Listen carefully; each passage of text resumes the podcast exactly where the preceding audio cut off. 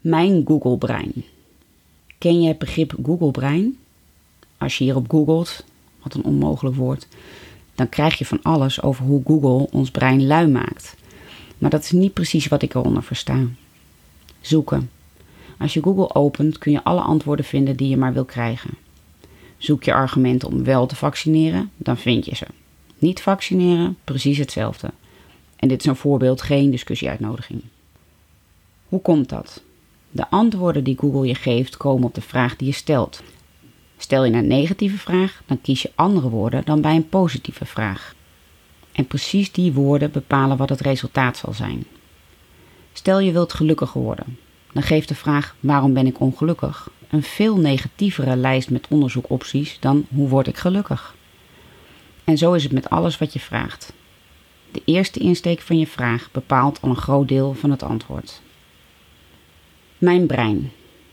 Zo ook in mijn brein.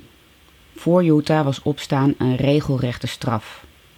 Altijd de realisatie dat ik, de meeste dagen, een deel van de avond of zelfs de middag miste in mijn geheugen. Ook al had ik normaal op alles gereageerd. Ik wist het niet meer. Compleet zwart, blanco. Reden voor mij om een persoonlijk verbod te stellen op bellen, appen, social media en sociale afspraken in de avond. En dan toch elke ochtend de vraag aan mijn steun en toeverlaat op links: Heb ik raar gedaan? Heb ik raar gepraat? Heb ik iedereen gedag gezegd als er een verjaardag met visite was geweest? Hebben we discussie gehad? Ben ik goed gaan slapen? Heb ik mijn tanden gepoetst? Maar wel zien dat de vaat was keurig ingeruimd aangezet is en dat alles beneden opgeruimd en klaar stond voor de nieuwe dag. Gewoon blanco. En nu dan? Elke ochtend voor Utah deed ik een soort van breinscan. Wakker worden en meteen nagaan hoe mijn hoofd en lijf voelden. Voelde mijn hoofd niet goed, dan had het direct effect op mijn lijf.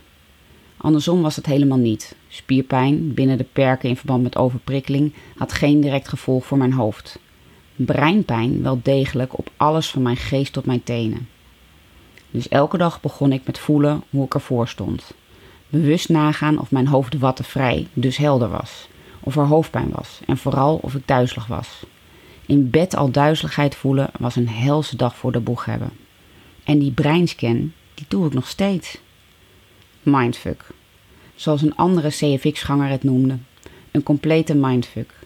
Als je namelijk met de resultaten van het verleden na een bepaalde avond of dag verwacht dat je brein in de mist zit, dan stel je de vraag ook zo: heb ik mist in mijn hoofd? Ben ik duizelig?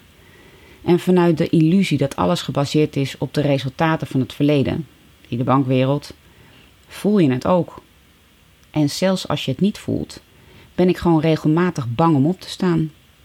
Dat klinkt vast als aanstellerij, ik snap dat.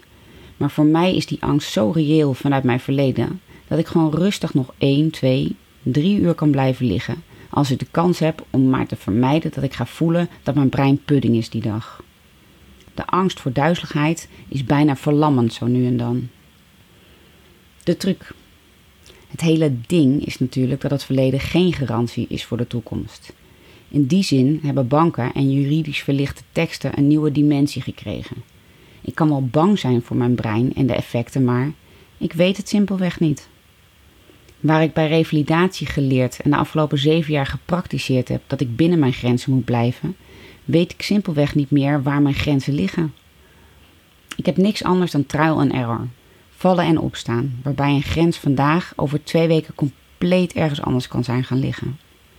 De ene keer voel ik het goed en moet ik rustig aan doen, en de andere keer juist er dwars doorheen.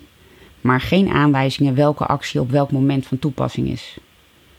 Dus ik moet het aangaan.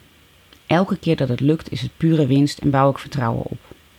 Elke keer dat het toch mis is, helaas ook nog realiteit, probeer ik mezelf voor te houden dat ik het in elk geval heb geprobeerd en dat de terugslag veel minder lang duurt dan voor Utah.